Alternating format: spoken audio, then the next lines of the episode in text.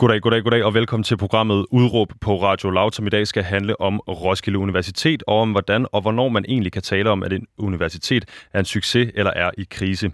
Vi tager blandt andet udgangspunkt i et debatindlæg, der er skrevet af uddannelses- og forskningspolitisk chef i Dansk Erhverv, Mads Eriksen, og den kritik, han retter mod lige præcis Roskilde Universitet, bedre kendt som RUK. Dagens gæst er Mathilde øh, Vendelhold, som netop er studerende på RUK. Hun læser politik og forvaltning, og så er hun forperson i studenterrådet ved RUK. Velkommen til dig, Mathilde. Mange tak. Mathilde, du er jo som sagt forperson i studenterrådet ved RUK. Øh, på RUK hedder det. Øh, hvad er det, der får dig til at gå ind i studenterpolitik til at starte med? Øh, det ved jeg faktisk ikke, fordi de fleste starter jo i løbet af deres bachelor. Øh, det gjorde jeg ikke. Jeg tog min bachelor, hvor jeg var meget bevidst om, at jeg ikke skulle lave noget som helst politik. Øh, jeg stod i rugbar. Og, øh, og så, blev, så startede jeg på min kandidat for fire år siden. Øh, og så synes jeg bare, der var nogle ting, som jeg begyndte at se, ikke var sådan, det skulle være noget, jeg havde været der længe, og der var nogle tendenser og sådan noget. Og så blev jeg spurgt, om jeg havde lyst til at dele lidt kaffe ud til universitetsvalget, og så tænkte jeg, det kan jeg da godt, jeg kan godt lide kaffe. Og så, så tog det ene lidt det andet. Så jeg, jeg har ikke rigtig lavet andet siden. øhm, men jeg tror, det var den der følelse af, at sådan, der var gået stampe i nogle ting, som jeg begyndte at kunne se, det her, det kan jeg ikke holde ud resten af mit studie. Så det var også et spørgsmål om at, at simpelthen at melde sig på banen for at gøre en forskel, ikke nødvendigvis for sådan øh, egen vindings skyld. på den måde, der er meget, meget øh, givende.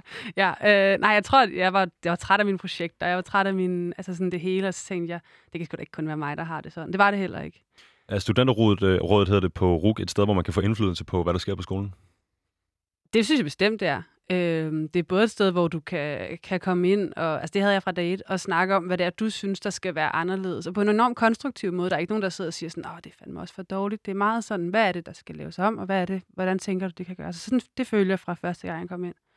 Nu hvor jeg har været der længe, så er det også et sted, hvor jeg synes, at, at ledelsen spørger. Altså jeg synes virkelig, vi har, øh, især nu, nu har jeg siddet øh, i forpersonskabet i halvandet år, og øh, jeg har simpelthen sådan et godt forhold til, til ledelsen nu, hvor, hvor jeg reelt føler, at hvis jeg ringer og siger, at du skal høre, vi er nødt til at snakke om det her, så, så tager de telefonen. Det er, det er meget fedt. Og øh, Mathilde, du er her blandt andet, fordi du er medforfatter på et debatindlæg, øh, som har været en del af den her RUK-debat, der har kørt i den forgangne uge. Øh, der har Mads Eriksen som sagt meldt sig på banen, politikken har meldt sig på banen, øh, I har meldt jer på banen, og vi skal snakke en masse om øh, de her forskellige synspunkter og vinkler osv. Øh, men til at starte med, så vil jeg sige, at på den her side af pulten, der står jeg, mit navn er Vitus Robak, og jeg er vært den næste times tid. Udråb er Danmarks eneste ungdomsradioprogram, der giver en gæst en time til at folde sin holdning ud, og det gør vi for at kunne komme rundt i alle krogene og blotlægge alle nuancerne. Mathilde, i dag så skal vi høre om din oplevelse af at studere på Roskilde Universitet, hvordan øh, Roskilde Universitet i øvrigt adskiller sig fra andre universiteter, og hvorfor du netop mener, at en del af øh, kritikken, din uddannelsesinstitution, øh, eller øh, er din uddannelsesinstitution, ikke er helt berettiget. Vi skal også tale om, hvordan fremtiden ser ud for RUK, og hvordan øh, man ikke altid kan sammenligne de danske universiteter. Øh, Mathilde, her program opererer vi jo med et udråb, øh, der indkapsler din holdning øh, til øh, dagens emne. Hvad er dit udråb? Mit udråb er øh, både nu og generelt i forhold til den her debat, at kritikken af RUG, den er simpelthen ikke berettiget. Og øh, det er lige netop det, vi skal snakke om i dag, så lad mig starte med at spørge dig. Øh, du har jo sammen med to af dine øh, kolleger, øh, medstuderende øh, fra Studenterrådet, øh, selv skrevet debatindlæg i politikken, hvor I tager øh, til genmæle og stiller jer kritisk over for Mads Eriksens indlæg. Men vil du måske øh, starte med at hjælpe mig og lytteren med lige at, at løfte lidt op? Hvor er det, det her det starter hen? Og øh, det, det starter i 1970, da RUG åbner, ikke? Men, øh, og, og så jeg synes, det har, det, har, det har været der så længe jeg kan huske, og så længe jeg har studeret på RUG. Men nu tænker Men, jeg på selvfølgelig på... Den, øh, denne her debat, lige præcis. Lige præcis det her eksempel på debatten. Det starter, var det sidste onsdag, tror jeg, da øh, Mads Eriksen skrev et debatindlæg om, øh, om RUG. Og øh, ja, altså jeg læste det der debatindlæg og tænkte, altså jeg gik i gang og tænkte, nå, der er et til dem her, dem har vi set mange af de sidste mange år. Øh, men, men det stod ret hurtigt klart for mig, at det var noget andet. Dels fordi Mads Eriksen har rigtig meget med rukker at gøre. Han har selv tidligere rukker. Øhm... Det er jeg jo også, hvis vi lige skal styre på den journalistiske integritet i løbet af det her program, og jeg har tilbragt en enkelt aften med jer på studenterrådet ude på RUK for øh, et halvt års tid siden, så det er i hvert fald slået fast. Men hvad siger du i forhold til Mads Eriksen og kritikken? Øhm, jamen, han er selv rukker, og på den måde så øh, han har siddet i vores, øh, det der hedder aftagerpanelet for Sambak. Så han har jo en, en insiderviden, som, som jeg vil sige, undrede mig med det debatindlæg, jeg læste. Øh, og derudover synes jeg også, at det var, øh, det var et prime eksempel på, hvordan nuancerne i debatten er begyndt at stå fuldstændig, fuldstændig fejl. Ja, og jeg vil lige sige, øh, nu sidder der jo øh, højst sandsynligt en masse øh, folk, der ikke går på rug derude og lytter med. Øh, jeg ved, hvad sambak er, du ved, hvad sambak er, Mads Eriksen ved, hvad sambak er, men hvad er det? Hvad er, hvad er sambak, og i øvrigt, øh, hvis du kan forklare øh, humbak og de her øh, rukkede betegnelser for øh, hvad hedder det, bacheloruddannelser? Ja, hvis vi lige skal have sådan slået RUKs øh, uddannelsesstruktur fast, fordi en af de ting, jeg virkelig holder på, det er jo, at den ikke kan sammenlignes med de andre, så starter man jo på en, en basisuddannelse på RUK. Man starter ikke på jura eller, samfunds- eller statskundskab, sådan, som man gør på de andre universiteter. Der er, der er fire, man kan vælge mellem på dansk. Det er SAMBAK, som er den samfundsvidenskabelige basisuddannelse. Øh, HUMBAK, som er den humanistiske. NATBAK, som er den naturvidenskabelige. Og så HUMTEK, som er den humanistisk-teknologiske øh, bacheloruddannelse.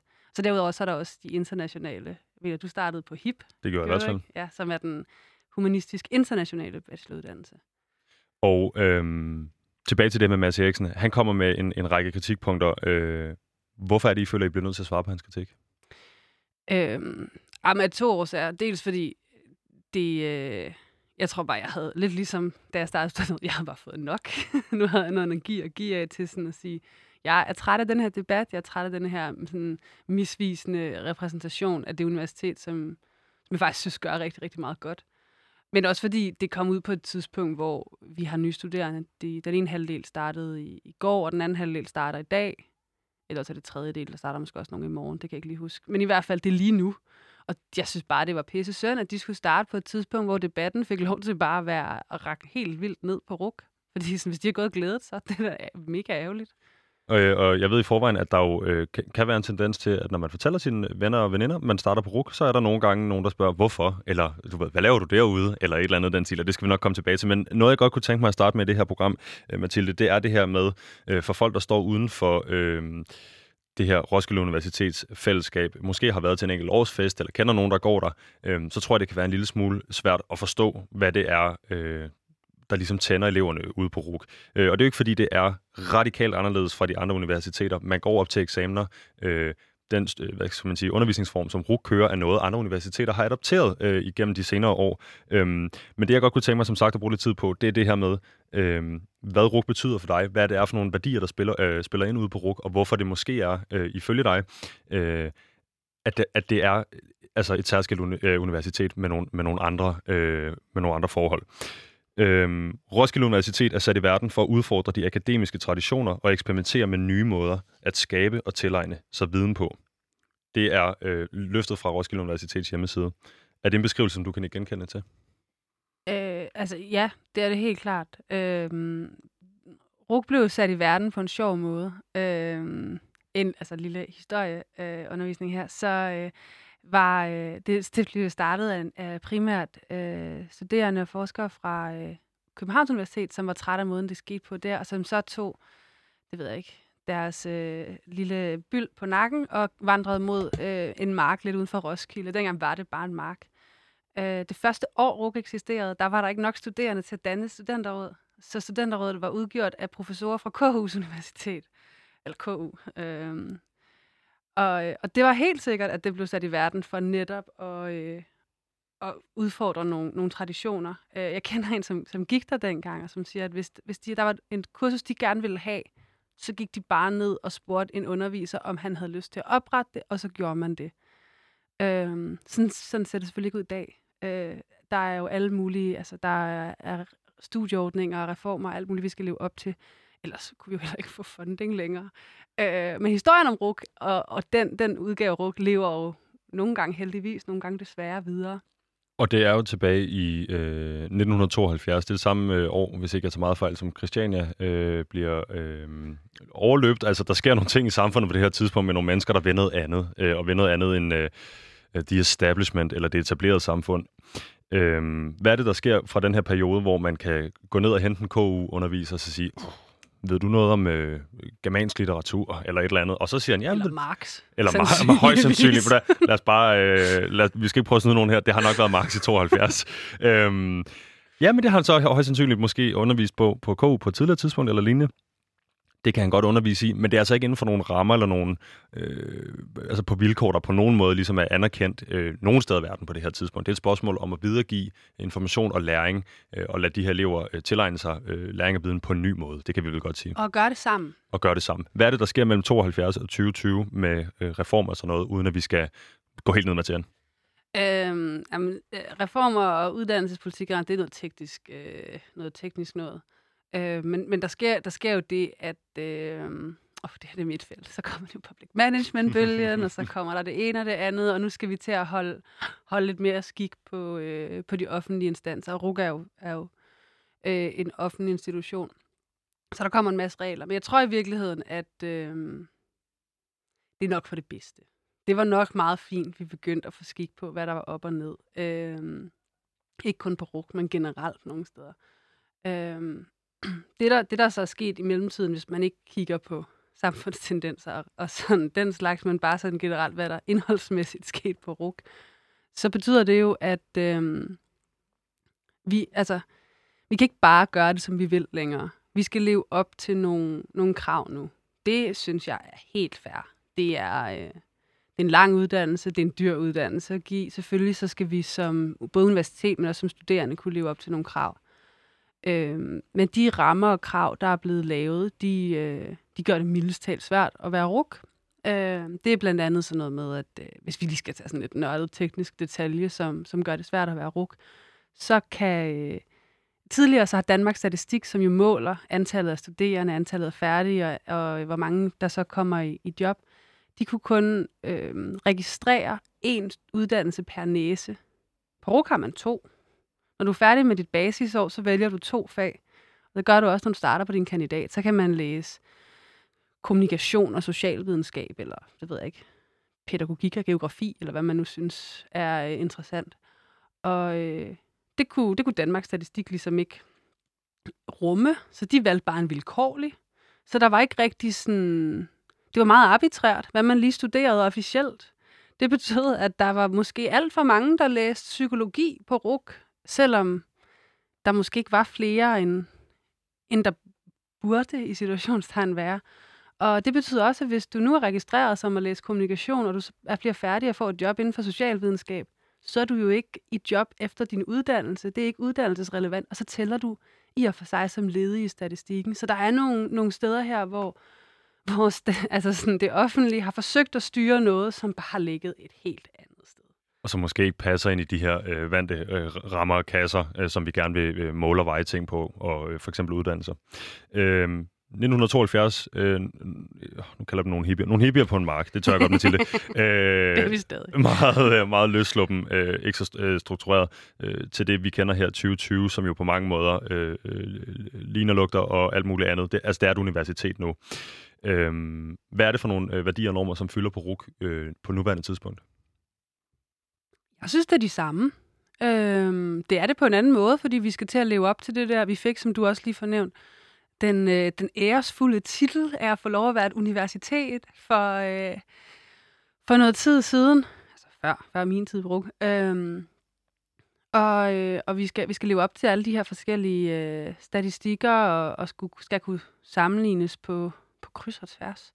Øh, det, forstår jeg, vi kommer til at snakke om senere. Det glæder jeg mig til. Det gør vi. Øhm, men, men altså værdierne internt øh, og sådan lokalt brug, det synes jeg er det samme. Det handler om, at viden det er noget, vi gør sammen. Det handler om, at øh, hvis du har en god idé til det, du gerne vil, vil lære om, så skal du bare sige det. Du kan ikke bare gå ned på gangen og få oprettet dit eget kursus længere, men vi skriver projekter hele tiden. Halvdelen af vores CCTS, det er jo selvstudie. Du bestemmer selv halvdelen af dit eget pensum. Øh, så jeg synes det her med at have ansvar for sin egen læring og fleksibiliteten i det, det er det samme. Jeg synes det her øh, samarbejde med at, at, at forskning, uddannelse, læring, alt det her, det er noget, vi gør sammen. Både altså, studerende imellem, men sgu også studerende og undervisere.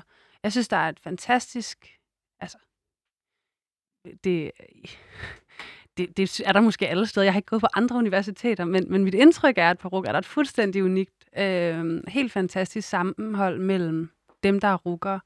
Når vi mødes med de andre øh, studerende fra de andre universiteter, øh, så er der jo meget sådan en, man er fra KUA, eller man er fra KU Sund, eller man er fra forskellige steder. Og hvis man er rukker, så er man bare rukker. Vi har ikke den der sådan, altså vi er bare en del af det samme. Du kan se det i studiestarten lige nu. Det, øh, jeg tror, det ene af samfundsvidenskabsholdene, de er nærmest kun rusvejledere fra naturvidenskab, fordi det kunne da være meget sjovt. Øh, altså, vi, vi er en, en samlet, øh, altså sådan en samlet flok på mange måder. Det betyder jo også, at når vi snakker om tværfaglig læring, fordi det gør vi, det gør vi også dengang, og det gør vi stadig, Øh, og nogle gange, så kan man måske høre vores, vores rektor stå og sige det, og tænke, det lyder da farligt flot, hvordan gør I det i praksis? Men vi gør det i praksis, vi gør det hele tiden, både med de her uddannelser, men også med det her sådan sociale miljø, hvor vi bare sådan er en stor samlet flok af øh, altså mennesker, der søger, der søger ny læring og udvikling. Og det betyder, at både det strukturerede tværfaglige samarbejde, men også alt det, der bare sker, det er helt, helt indgroet i RUKs DNA. Jeg kan huske fra da jeg startede derude, øh, sådan fire nedslagspunkter. Kritisk tænkning, selvstændighed, samarbejde og fleksibilitet. Kan man snakke om, at, at, at det, der sker ude på RUG, som måske ikke sker på andre universiteter, er, at helheden af den her uddannelse bliver større end summen af delene. Altså, der, at der sker en eller anden form for øh, altså, og, som sagt, jeg går ikke længere på den her institution, så jeg kan godt sige, der sker noget magisk, når man ligesom prøver at øh, øh, prøver at, at, at, at sætte folk sammen i, i konstellationer, øh, de måske ikke havde øh, variant i på andre universiteter, eller øh, ligger op til, at folk kan, kan vælge mere, øh, altså vælge for dem selv, hvad det er, de egentlig gerne vil lære. Øh, kan du følge mig her? Altså sker der det, et eller andet Det er farligt noget, noget flot ekstra? formuleret. Jo, tak. Øh, øh, jo, det synes jeg. Jeg synes, at øh, for det første, altså jo, jo flere gange du prøver noget, bedre bliver du til det. Så det vil sige, at, at når vi bliver ved med at, at skrive de her projekter, og når jeg først sagde, at jeg var pisse træt af dem, det var jeg en periode. Øh, men altså, det, det er man af ting, øh, man, man skal gøre om og om igen. Men det, der sker, det er også, at du bliver bedre og bedre til det. Så det bliver ikke bare, at vi skal sådan sætte et projekt sammen. Det bliver nemlig, at vi går fra at forsøge os med det der kritisk tænkning til, at på et eller andet tidspunkt, så rammer vi sgu plet, og så får vi tænkt noget kritisk selv. Øh, for de fleste af det sker, sker det forhåbentlig hurtigt i uddannelsen, sådan, så vi kan blive ved med at udvikle på det. Øh, men, men der er ingen tvivl om, at den måde, det er sat sammen på, det gør, altså det, det synes jeg virkelig fordrer nogle, øh, det ved jeg ikke, altså det, det giver rammer til at, at, at gro og udvikle sig. Øh, altså kritisk tænkning, det, øh, det burde jeg jo faktisk sige som det første, når du spørger, hvad der er DNA'et i RUK, fordi det er det. Og, øh, og det er også det, der, øh, der står alle steder, det synes jeg også, vi gør. Det synes jeg også, vi beviser med vores øh, debatindlæg, at vi, øh, vi læser din statistik, Mads Eriksen, og vi kalder bullshit på den. Øhm, øh, det, det, det, altså sådan, det er en del af det, vi lærer. Det er at læse sådan noget og tænke, det her, det hænger ikke sammen. Og Mads Eriksen, hvis du sidder derude og lytter med tilfældigvis, øh, telefonnummer er 47 92 47 92. Du ringer bare ind, så skal vi nok tage den live i luften. Men øh, udover det har vi ikke givet Mads Eriksen mulighed for at, at komme til øh, genmæle på de ting, du siger nu, Mathilde. Øh, bare for at få det på det rene. øh, vi skal senere snakke om, hvad det er for nogle parametre, man kan sammenligne RUK med andre danske universiteter på. Men hvad er det ifølge dig, der adskiller RUK Øh, vi har snakket kritisk tænkning, vi har snakket gruppearbejde. Jeg vil sige, de her gruppeformationsdage, hvor man skal danne sine grupper, uha, det er også en mundfuld. Men hvad er det, RUK kan, de andre universiteter ikke kan, øh, hvis du skulle sige det sådan relativt kort? relativt kort, det er ikke min spidskompetence. Så kører du bare. øh, jeg ved ikke, om der er så, så meget, vi sådan nødvendigvis kan mere, som de andre absolut ikke kan, fordi vi har, øh, måske har vi i virkeligheden sejret os selv lidt ihjel på nogle fronte. Vi har i hvert fald været, været vidt og bredt ude og forsøge at lære folk om, øh, om det, vi gør på RUK.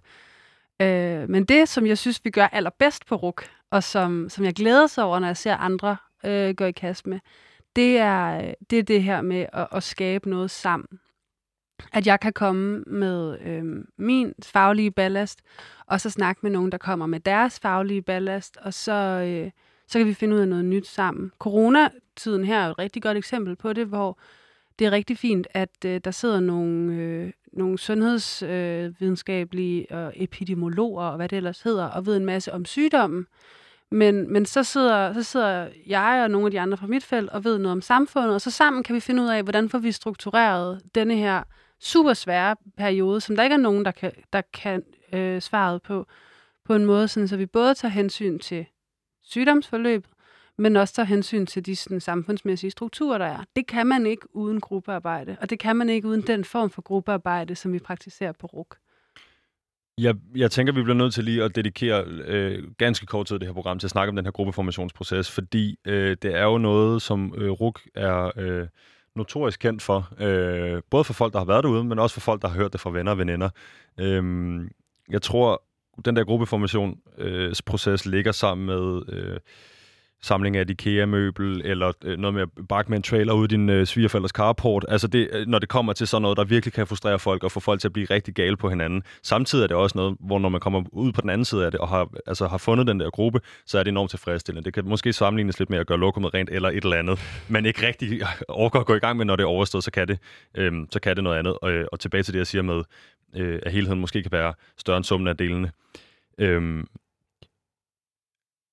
er det, er det mig, der kun har, har, har det her ene, øh, undskyld, to semester på RUK, der, der, der er umoden og ikke forstår det, eller, eller er der et eller andet omkring det der med, med, med, med, at der sker noget mennesker imellem, når man er presset, og for eksempel er presset i en, i en, i en, i en proces, som skal række øh, ud det næste øh, halve år? Altså, sker noget med mennesker imellem, når man er presset. Det er også derfor, var det Danske Bank, der sendte deres topledelse på kanin, kanindræberkursus engang. Øh, der sker rigtig mange ting, når man er, når man er presset, øh, på godt og ondt.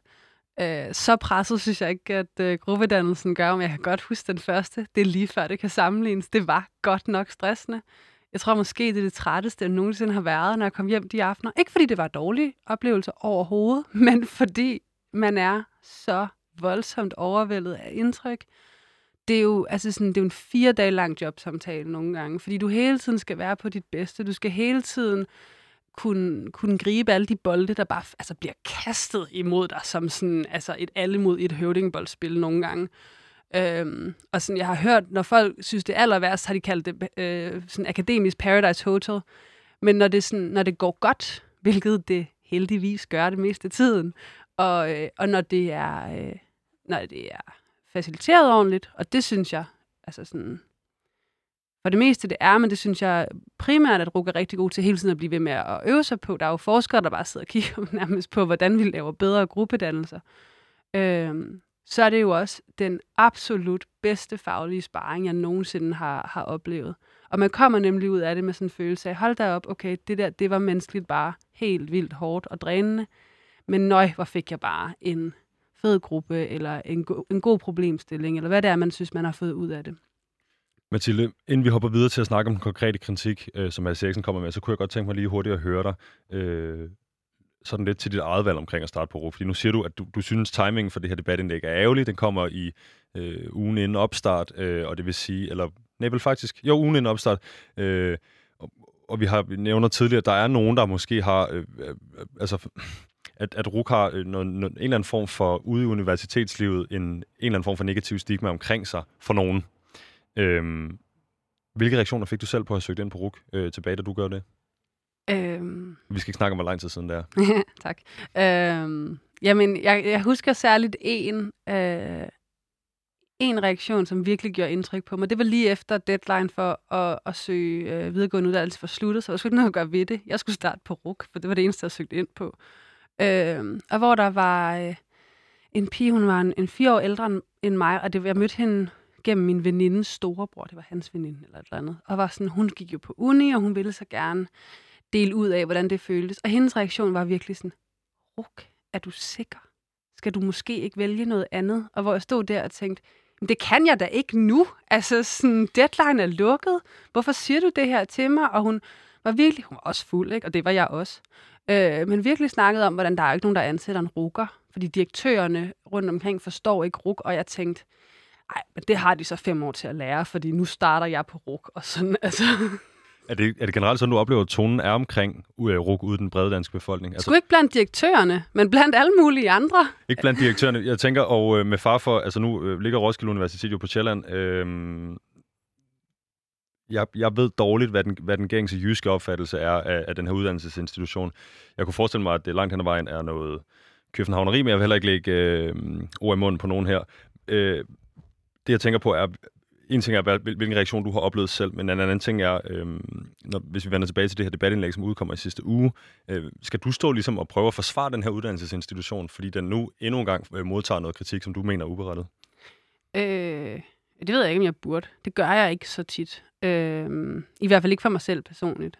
Øh, nok lidt mere sådan som forperson. Men, men jeg kunne tit, jeg kunne rigtig tit give mig i kast med at forsøge at forsvare, hvad det er, man kan og gøre ude på RUK, hvor øh, jeg lidt bare har accepteret, at folk tror, at jeg læser politik og forvaltning, fordi jeg ikke kunne komme ind på statskundskab, og det er fint nok, det må de gerne gå og tænke. du kan komme, øh, hvad skal man sige, du kan komme øh, til genmæle på den, øh, når du er færdig med din uddannelse. Nej, altså jeg kunne ikke komme ind på statskundskab. Men jeg prøvede heller ikke. Jeg ville gerne gå på RUK.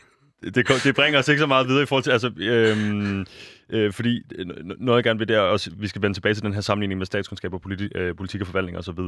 Øhm, men det jeg godt kunne tænke mig at snakke lidt om, det er lige netop det her med den konkrete kritik, som Mads Eriksen bringer i politikken sidste uge. Før vi når dertil, Mathilde, så vil jeg sige til lytteren derude, som skulle tænde for radioen efter timestart, du lytter til Udråb på Radio Loud. Med mig i studiet har jeg Mathilde Velholdt. Mit navn er Visus Robak. Mathilde er forperson i studenterrådet på RUK, og har været det, øh, så længe jeg har kendt dig i virkeligheden, men i et års tid, ikke? jo. Øh, det er omkring. Øh, I sidste uge, der kommer Mads Eriksen, som er øh, fra Dansk Erhverv. Øh, han er forskningspolitisk chef selvfølgelig. Øh, med en kritik af RUK. Den bringer han i politikken. Det sætter gang i en lang række debatindlæg i politikken, og debatten kører. Øh, I kommer til genmale øh, på vegne af Studenterrådet. Dig, Sif Julie, øh, to medlemmer af Studenterrådet også. Øh, men kan du ikke forkl- eller starte med at forklare mig og lytteren, hvad er det, øh, Mads Eriksens debatindlæg, så den nærmere præcis handler om? Hvad er kritikpunkterne? Øh, jamen i virkeligheden, så, øh, så er kritikken jo, at vi, ikke, at vi ikke lever op til det potentiale, vi har. Det må man jo give Mads Eriksen. Han er jo ikke på den måde imod RUK og imod vores uddannelses sådan, værdier, eller hvad man skal sige. Han, han roser jo faktisk nogle, de ting, RUK tror på. Han mener bare, at vi er i dyb faglig krise, og vi ikke får, øh, får udnyttet det potentiale. Øhm, han, øh, han bruger en masse forskellige tal. Øh, han, jeg forestiller mig, at han har støvsuget alle tal i verden, for at vende dem i, imod RUK her. Øhm, for, for at vise, at øh, det er, øh, der er ikke nok, der søger ind. Det er ikke en populær nok uddannelsesinstitution. Der, der er ikke nok, der kommer et job bagefter. Den er heller ikke populær nok blandt aftagerne, altså, og kvaliteten er generelt for lav. Så, skriver, så siger han det her med, at øh, frafaldet, og at vi ikke kan, at vi har problemer med at, at holde på de dygtige studerende. Øh, han, altså, ja. Hvis ikke jeg havde vidst bedre, så ville jeg have læst det debatindlæg og tænkt, hold da op, vi er godt nok dumme ude på RUK, var. Bliver du, bliver du provokeret, det du læser? Ja, det gør ja. jeg. ikke at det, ikke af, øh, nej, nej jeg, jeg, synes faktisk, at han har nogle fine kritikpunkter. Jeg bliver provokeret af, af den måde, han bruger statistikkerne på. Jeg bliver enormt, jeg bliver enormt ked af det nok mest, over den måde, tallene bliver, bliver sat øh, på. Fordi for eksempel det her med, at øh, der er 8% flere, der har søgt ind på øh, universitetet generelt. Der er 5% lave, øh, færre på RUK. Det lyder jo ikke ret godt. Men sådan, det rummer over 89 mennesker. Det er jo, altså sådan, det, det, er, det er jo til at tage at føle på. Så mange er det ikke. Det kommer, altså, det, det, den her forskel øh, kommer ned ja. til at være 89 hoveder til sidst. Der var 89 flere, der søgte ind sidste år, end der var i år. Ikke? Og sådan, vi kunne godt, altså, råbe vagt i gevær og være helt vildt kede af det. Men vi kunne også kigge på, at vi står i en situation lige nu, hvor alting er enormt usikkert. Og så er det klart, at man vælger nogle mere traditionelle valg, og 89 mennesker er heller ikke alverden i den situation, vi er i lige nu. Nej, øh, vi havde øh, formand for Danske Gymnasiers øh, sammenslutning, Martin Meilgaard, i studiet i øh, maj måned, tror jeg det var, Øh, han forudså det her. Han, han sagde til mig øh, straight up i studiet, prøv at høre, der kommer til at være et rekordhøjt optag på øh, de videregående uddannelser. Folk kommer til at vende tilbage til det. Folk kommer ikke til at tage de her øh, sabbatår nødvendigvis. Folk kommer til at starte på universiteterne, og det vil I se over den, over den brede linje. Øh, må, nu tolker jeg på, hvad du siger, men det lyder faktisk på mig som om, at det du i øvrigt siger er, at hvis, hvis, hvis vi skal fortsætte på Martin Meilgaards øh, tese om, at folk ikke tager chancer nu, folk tager det sikre valg, øhm, ligger Roskilde Universitet, ligger RUK et sted uden for den sikre zone, og at, vil det sikre valg som regel være psykologi på KU, eller et eller andet andet, hvis, altså, hvis så frem man har snittet til de her uddannelser? Det tror jeg nemt, det bliver. Så er der også noget, øh, der er også noget geografi i det. Øh, der er jo, altså, i virkeligheden kun 22 minutter i tog, eller sådan noget lignende fra, øh, fra Valby. Øh, men, men langt nok til, at, at man nemt måske kan blive malig og vælge noget tættere på. Øh, der er, øh, det er et større ansvar at skulle definere sin egen uddannelse. Og lige nu, der er man måske ikke til, at man tager tage den chance, som du også siger. Og så tror jeg måske også bare, at, øh, Ja, ej, det ved jeg ikke. Øh, jeg, tror, jeg, jeg kan godt forstå, at man ikke har valgt RUK, hvis man, hvis man går og er utryg lige nu. Og så vender du tilbage til de 89. Det er 89 mennesker, der kommer ned på den her procentstigning. Ja. Er der noget, altså øh, nu, nu Og må jeg lige her. sige noget i forhold til det, fordi det er jo kun et udtryk for popularitet. Mads Eriksen, han drager konklusionen, måske ikke direkte, men for indirekte ved at kalde øh, debatindlægget Ruka i dyb faglig krise, og så kommer den her pointe, at sådan, om så er vi jo fagligt set for, øh, for lav kvalitet. Det er da overhovedet ikke rigtigt. Jeg Det er kender der der til rigtig mange populære ting, der er noget værd og lort, og rigtig mange gode ting, der ikke nødvendigvis er, er populære. Og det tænker jeg da, for mig at se, det er det, der sker her, at vores popularitet er dalet. Det siger ingenting om vores kvalitet. Der bliver nemlig øh, sammenlignet øh, universiteterne imellem i det her debatindlæg, øh, som du som sagt har skrevet øh, sammen med to øh, kolleger fra Studenterrådet på RUK.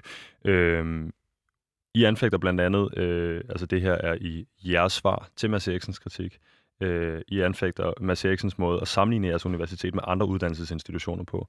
Hvordan er hans sammenligning af universiteterne problematisk?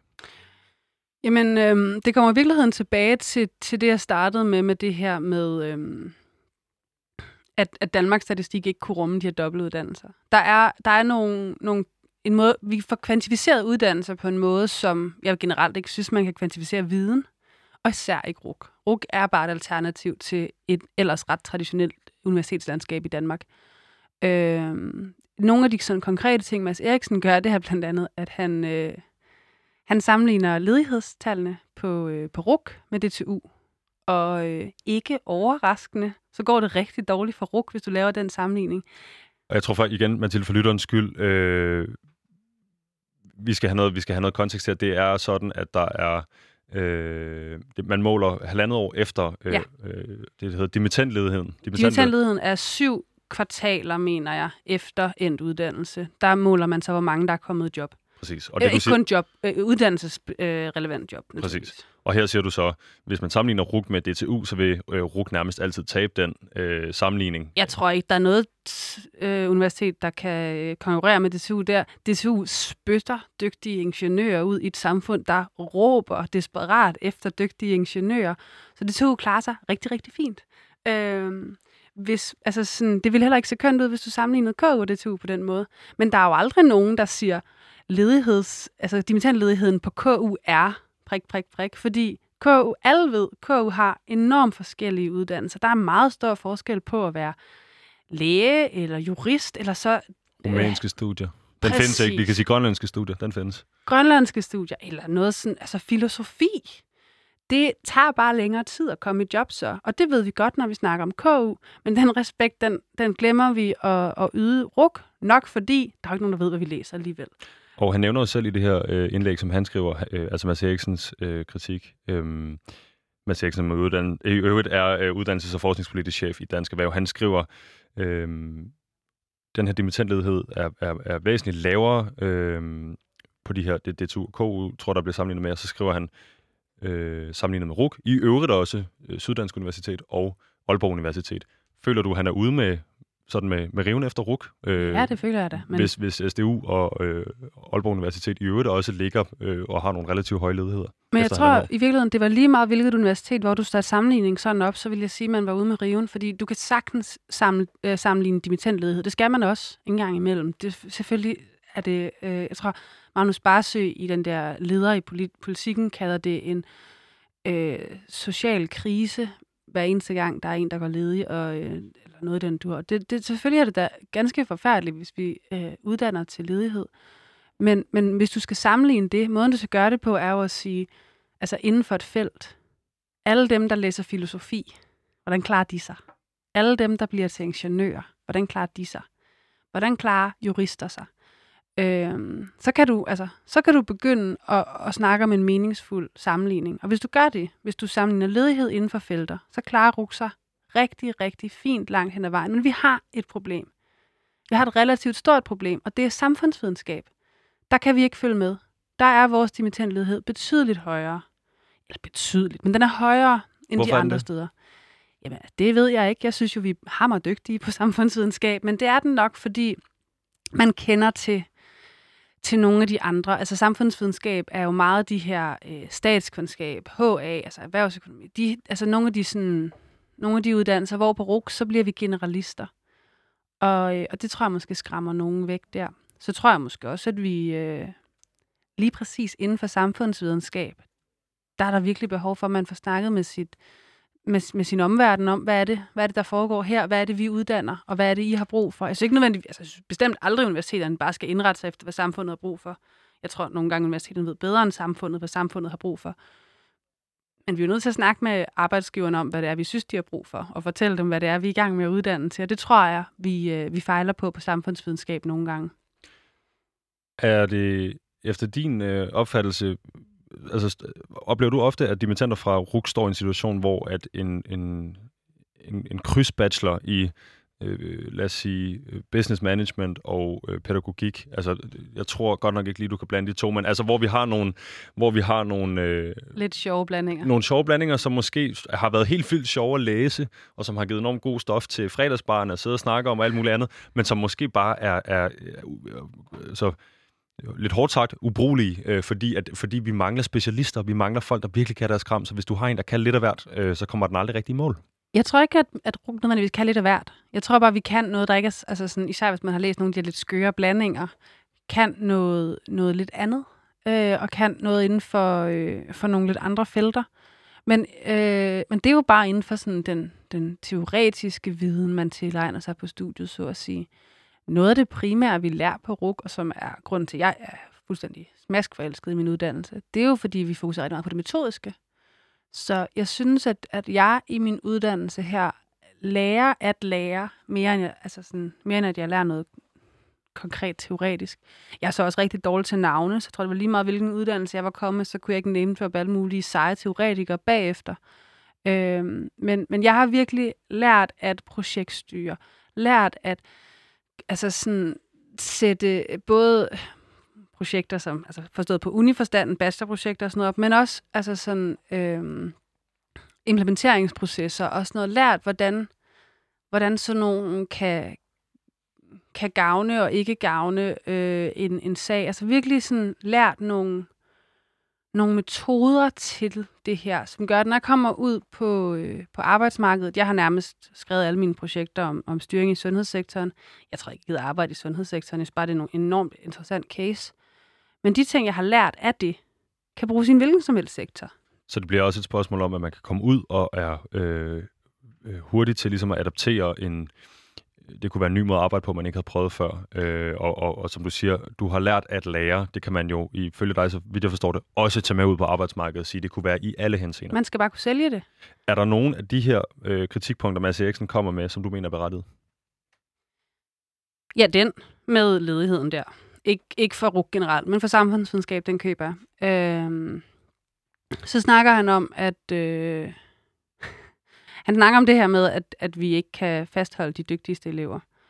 Og, øh, der tror jeg også for øh, lytterens skyld, at øh, det er et spørgsmål om at sige, at dem, der er eller den måde, de her, det her med ikke at kunne fastholde de dygtige elever, øh, er et spørgsmål om at sige, at frafaldet på dem med karakterer, og nu må du hjælpe mig, hvis jeg fejlciterer, mellem 9 og 12, det øh, tror jeg, ja. når de starter, er højere relativt end dem med de lave karakterer. Altså er konklusionen her, at at du startede på universitetet med en god gymnasiekarakter, så er der relativt højere frafald på dig, end på dem med de relativt lave karakterer. Og derfor drager man den konklusion, at folk, der kommer med stor gejst og stor øh, øh, hvad hedder det, studiemæssig ballast, de frafalder det her universitet i højere grad, end de frafalder andre universiteter. Ja, der bygger han på en, øh, en analyse, som jeg efterfølgende er blevet bekendt med. Den har godt nok en lille sample size. Hvor, øh, hvor lille en sample size? Det kan jeg ikke huske. Men for lille til, at jeg ville kunne kalde den valid, synes jeg. Øh, og der er også lavet andre studier, der faktisk viser det modsatte, at vi holder rigtig godt fast i, øh, i nogle af de studerende med de høj, højere karakterer.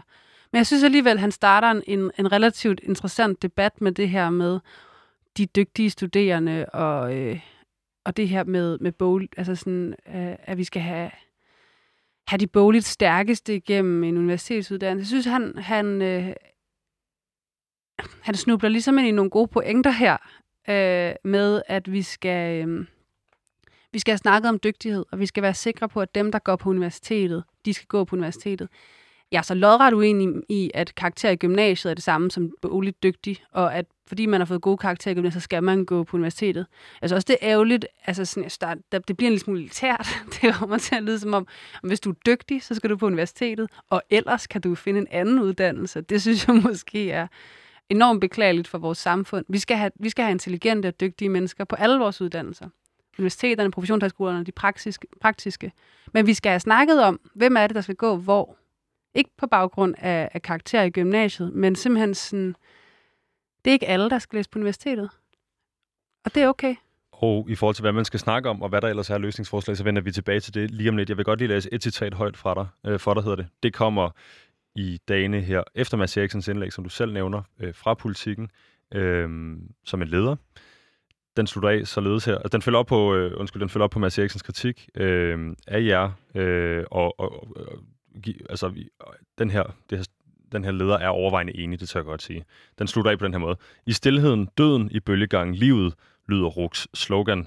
Det vil klæde universitetets ledelse at tage kritikken seriøst. Danmark har brug for et RUK, der tør eksperimentere, men også et RUK, der aldrig går på kompromis med fagligheden. Og grund til, at jeg læser det her citat højt, øh, Mathilde, er fordi, at det er det, jeg føler, øh, der ofte er kritikken af øh, RUK. Og vi skal, jeg vil sikre mig at sige igen, at det er ingen reklamesøjle det her, øh, og jeg er stoppet ude på den her uddannelsesinstitution, men det er bare for at sige, når, man, når jeg læser det her, så tænker jeg umiddelbart, det vil klæde, som han siger, det vil klæde universitetets ledelse at tage kritikken seriøst. Danmark har brug for et ruk, der tør eksperimentere, men også et ruk, der aldrig går på kompromis med fagligheden. Oplever du tit, at øh, politikere og beslutningstagere og i øvrigt folk, der blander sig i debatten, gerne vil have i pose, men også vil have i sæk?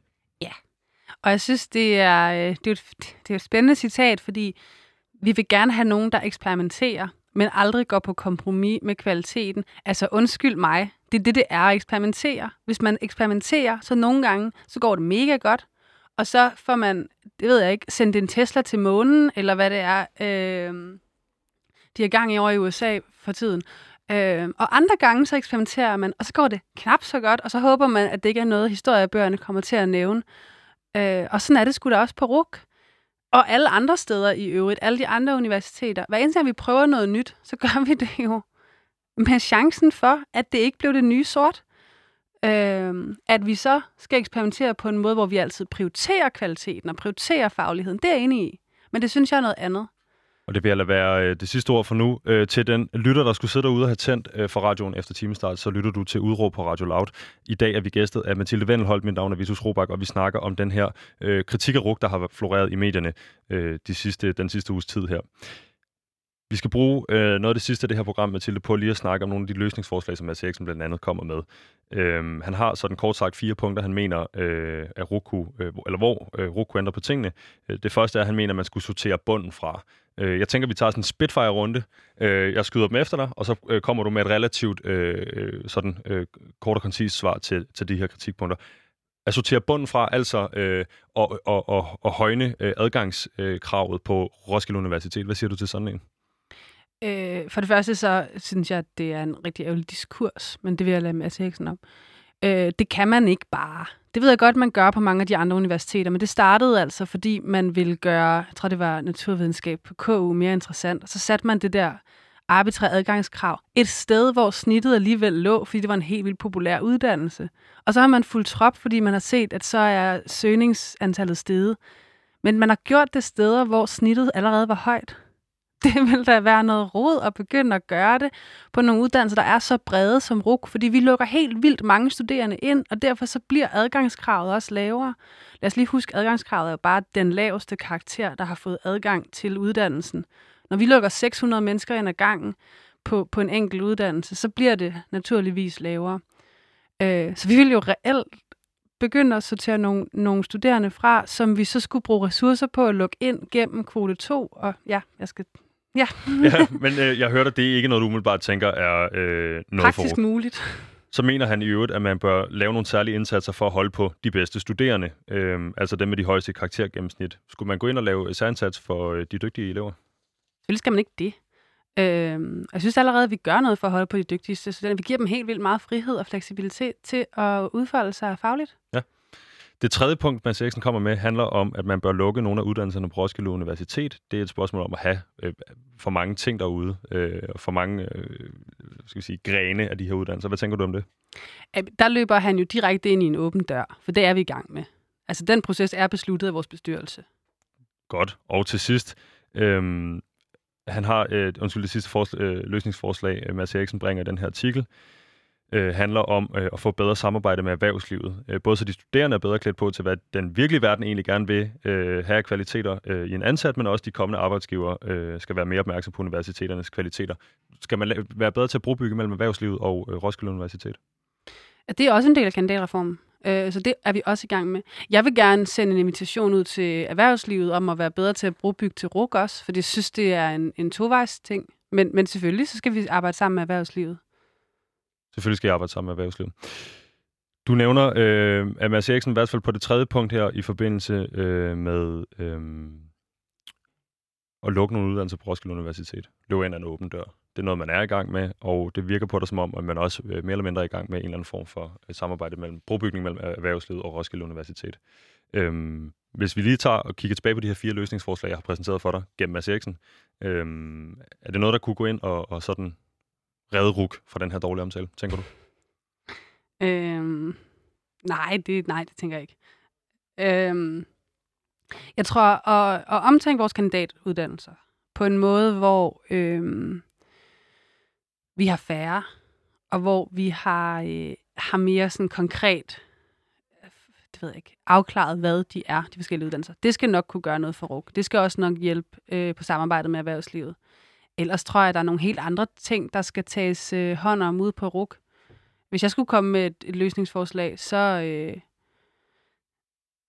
ej, det, det første, jeg vil sige, som jeg synes, RUK skal prioritere at gøre lige nu, ikke, det er, nu snakkede vi før om, at man, man måske skal være en lille smule modig for at vælge noget alternativt i en krisesituation. Øh, og jeg tror faktisk også, at dem, der går på RUK, de har været enormt hårdt ramt af, af det her forår. Det tror jeg, alle har. Alle studerende, men også alle andre. Vi ser jo ensomheden stige helt vildt, og, øh, og sådan den her sådan, nogle af de her mentale problematikker stiger helt vildt blandt de studerende lige nu. Og det tror jeg gør sig særligt gældende for rukker, fordi du ikke kan sådan adskille det sociale fra det faglige. Øh, RUK har et kæmpe ansvar lige nu for at passe på de studerende, der starter, og de studerende, der kommer tilbage på campus, sådan så vi sørger for, at, øh, at vi gør alt, hvad vi kan for, at de studerende, vi har, de har det godt, mens de er hos os. Øh, det er det første, RUG skal gøre. Er det primært i en coronakontekst, eller er det generelt i en trivselskontekst? Det er generelt i en trivselskontekst, men, men trivselsspørgsmålet har bare aldrig været mere relevant, synes jeg, end lige nu. Men altså, det er generelt, jeg synes, RUG skal, skal prioritere trivselstiltag, øh, fordi det altså, frihed under ansvar og alt sådan noget. Man skal også have det godt nok til at kunne leve op til det, ikke? Øhm. En anden ting, som jeg synes, RUK skal, skal arbejde på, det er, at øh, vi skal nok som studerende på RUK være bedre til at kunne forklare, hvad det er, vi kan. Og det, øh, det ansvar kunne man enten lægge på de hvad går der, små 10.000 studerende derude, eller man kunne sige, RUK skulle nok være bedre til at undervise os studerende og, og hjælpe os til at udvikle et sprog for, hvad det er, vi kan. Fordi i sidste ende, så alt det her med ledighed og samarbejde med erhvervslivet, alt det her, det handler jo bare om at kunne sælge sin viden. Øh, jeg tror hverken Mads Eriksen eller Dansk Erhverv ønsker et, et, en situation, det håber jeg fandme ikke, hvor, øh, hvor erhvervslivet bestemmer, hvad man forsker i på universiteterne. Vi har, de har jo brug for den viden, vi hele tiden øh, udvikler. Men vi har jo også, altså sådan, vi er jo også nødt til at kunne fortælle dem, at de har brug for den. Vi er jo nødt til at kunne overbevise dem. Og det er vi måske ikke gode nok til på RUG. Mathilde, vi ynder jo at lege en lille leg her i uh, programmet, og øhm, vi bliver nødt til at gøre det lidt hurtigt i dag, tror jeg. Øh, det er øh, min øh, yndlingsleg, din egen værste fjende. Vil du lege med? Ja, Fedt.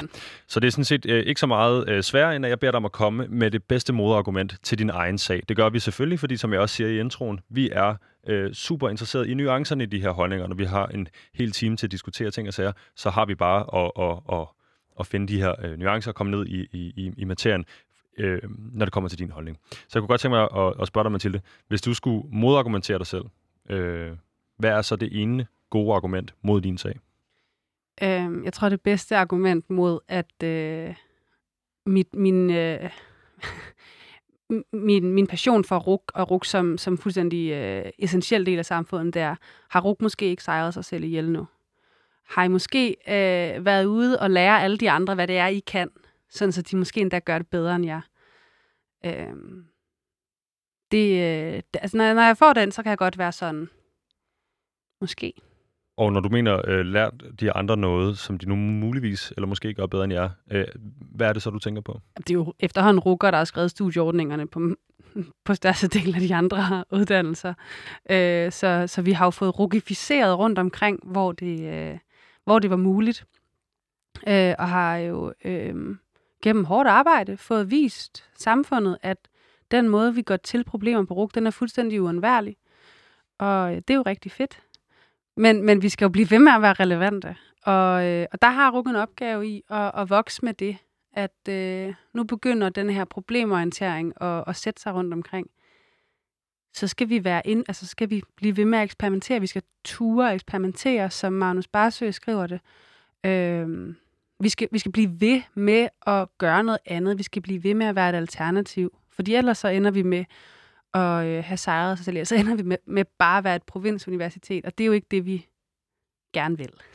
Tak skal du have, fordi du lege med, Mathilde. Og i øvrigt, øh, jeg tror, du debuterer med at, at, at lege den her leg med os, og så skjule, et lille, skjule en lille anerkendelse ind i din eget måde at gå. Men jeg kan meget godt lide det. øhm, I har sejret jer selv ihjel, og, og, og ja, jeg vil sådan set lade det stå, som det var. Det sidste, jeg tænker, vi skal snakke om her, øh, det er, hvad skal der ske nu? Fordi som du siger, er noget af den her kritik i det her debatindlæg, det er, øh, som du ser det, øh, at gå ind ad en åben dør. Det er noget, I har enten diskuteret sikkert i studenterrådet eller i RUKs ledelse. Øhm, noget andet af det er jo, jeg tvivler på, at der er noget af det her, der er en decideret øjenåbner for dig. Jeg tænker, du er bevidst omkring de, de største del af de her kritikker, men det betyder ikke, at man øh, ikke kan eller skal handle på de her ting. Øhm, så jeg kunne godt tænke mig at høre, øhm, der er en ny kandidatreform på vej. Øh, for det første helt kort, hvad er en kandidatreform, og hvad indebærer den her reform? En kandidatreform er øh, et nyt sæt af, af rammer for, hvordan kandidaterne skal, skal struktureres, altså uddannelsen skal struktureres ud på RUK. Det er øh, den anden kandidatreform, der kommer siden de tal, Mads Eriksen bruger, hvor han skriver, at der skal reformer til. Så det kan han jo tænke lidt over. Øh, den, du spørger, hvad den skal kunne, den reform. For mig at se, så skal den sikre fleksibilitet og, øh, og kvalitet for vores studerende, og, øh, og skal den sikre et, øh, et solidt og, og bredt uddannelsesfundament øh, for Ruxum Universitet. Og så skal den forhåbentlig sikre noget, noget helt vildt dygtig arbejdskraft for, øh, for samfundet bagefter. Er den her kandidatreform forbeholdt RUK eller Roskilde Universitet? Det, ja, det noget, der sker lokalt ude på RUK. At vi, at vi skriver den. Så der er øh, masser af mulighed for indflydelse fra din side af, og fra ledelsen i øvrigt, for at, at, at imødekomme både nogle af de her kritikpunkter, men ting, jeg tænker, I også har identificeret derude i forvejen. Og også fra erhvervslivet til at komme og blive hørt. Det er en del af det. Her til aller, aller sidst, Mathilde. Øh, RUK har en enormt international profil. Jeg ved, da jeg startede derude på den internationale linje, øh, at der var over halvdelen af den her klasse var fra udlandet. De var fra Rumænien, Polen, alle mulige steder, øh, både i Europa, men sådan set også ude fra Europa. Hvor vigtigt er det for RUK at øh, bevare den her internationale profil? Øhm, det er helt vildt vigtigt, fordi øh, internationalt set, der får vi ikke den samme hits, som vi gør her i Danmark. Der er, der er RUG enormt anerkendt, og vi har rigtig mange gode samarbejder, så vi skal blive ved med at blive endnu bedre til at være internationalt, både i forhold til samarbejder, men også lokalt. Vi skal blive bedre til at have fag og uddannelser på engelsk. Vi skal blive bedre til at oversætte alting til engelsk. Vi skal blive bedre, blive bedre til at omfavne de her internationale studerende, fordi vi møder ikke den samme uberettigede kritik internationalt, som vi gør her hjemme i Danmark. Det vil sige, at Roskilde, eller Roskilde Universitet RUG har et bedre øh, omdømme øh, internationalt, vil du vurdere, end det har i Danmark? Det er jeg slet ikke i tvivl om. Hvad tror du, der spiller ind der? Måske har de ikke hørt historien om dengang, vi sad og røg fredspip på en mark. det er måske det, der spiller en rolle. Øh, fredspibe på en mark. Jeg synes næsten ikke, man kunne øh, slutte udsendelsen øh, bedre af. Mathilde, tusind, tusind tak, fordi du kom ind og gæstede mig i studiet i dag. Jamen tak, fordi jeg måtte komme. Og nu blev det en lang snak om RUK, øh, og øh, jo også Mathilde, der fik lov at komme til genmæle på den her kritik, der har været i ugen, med udråbet kritikken af Roskilde Universitet er uberettiget. Jeg skal sige uh, tusind tak for i dag. Tak fordi I lyttede med derude. Uh, du har lyttet til Udråb på Radio Loud med mig, Vitus Robak. Programmet var produceret af Rakkerpak Productions. Dagens producer og tilrettelægger hedder Maja Bader. Hvis du sidder derude med en holdning, du tænker er markant interessant eller anderledes, som vi måske skulle have med i programmet, så skriver du bare ind til udråbsnabelag øh, radioloud.dk. Det er U-D-R-A-A-B radioloud.dk. Vi vender tilbage igen i morgen, og så er der ikke så meget andet at sige herfra end tak for dag.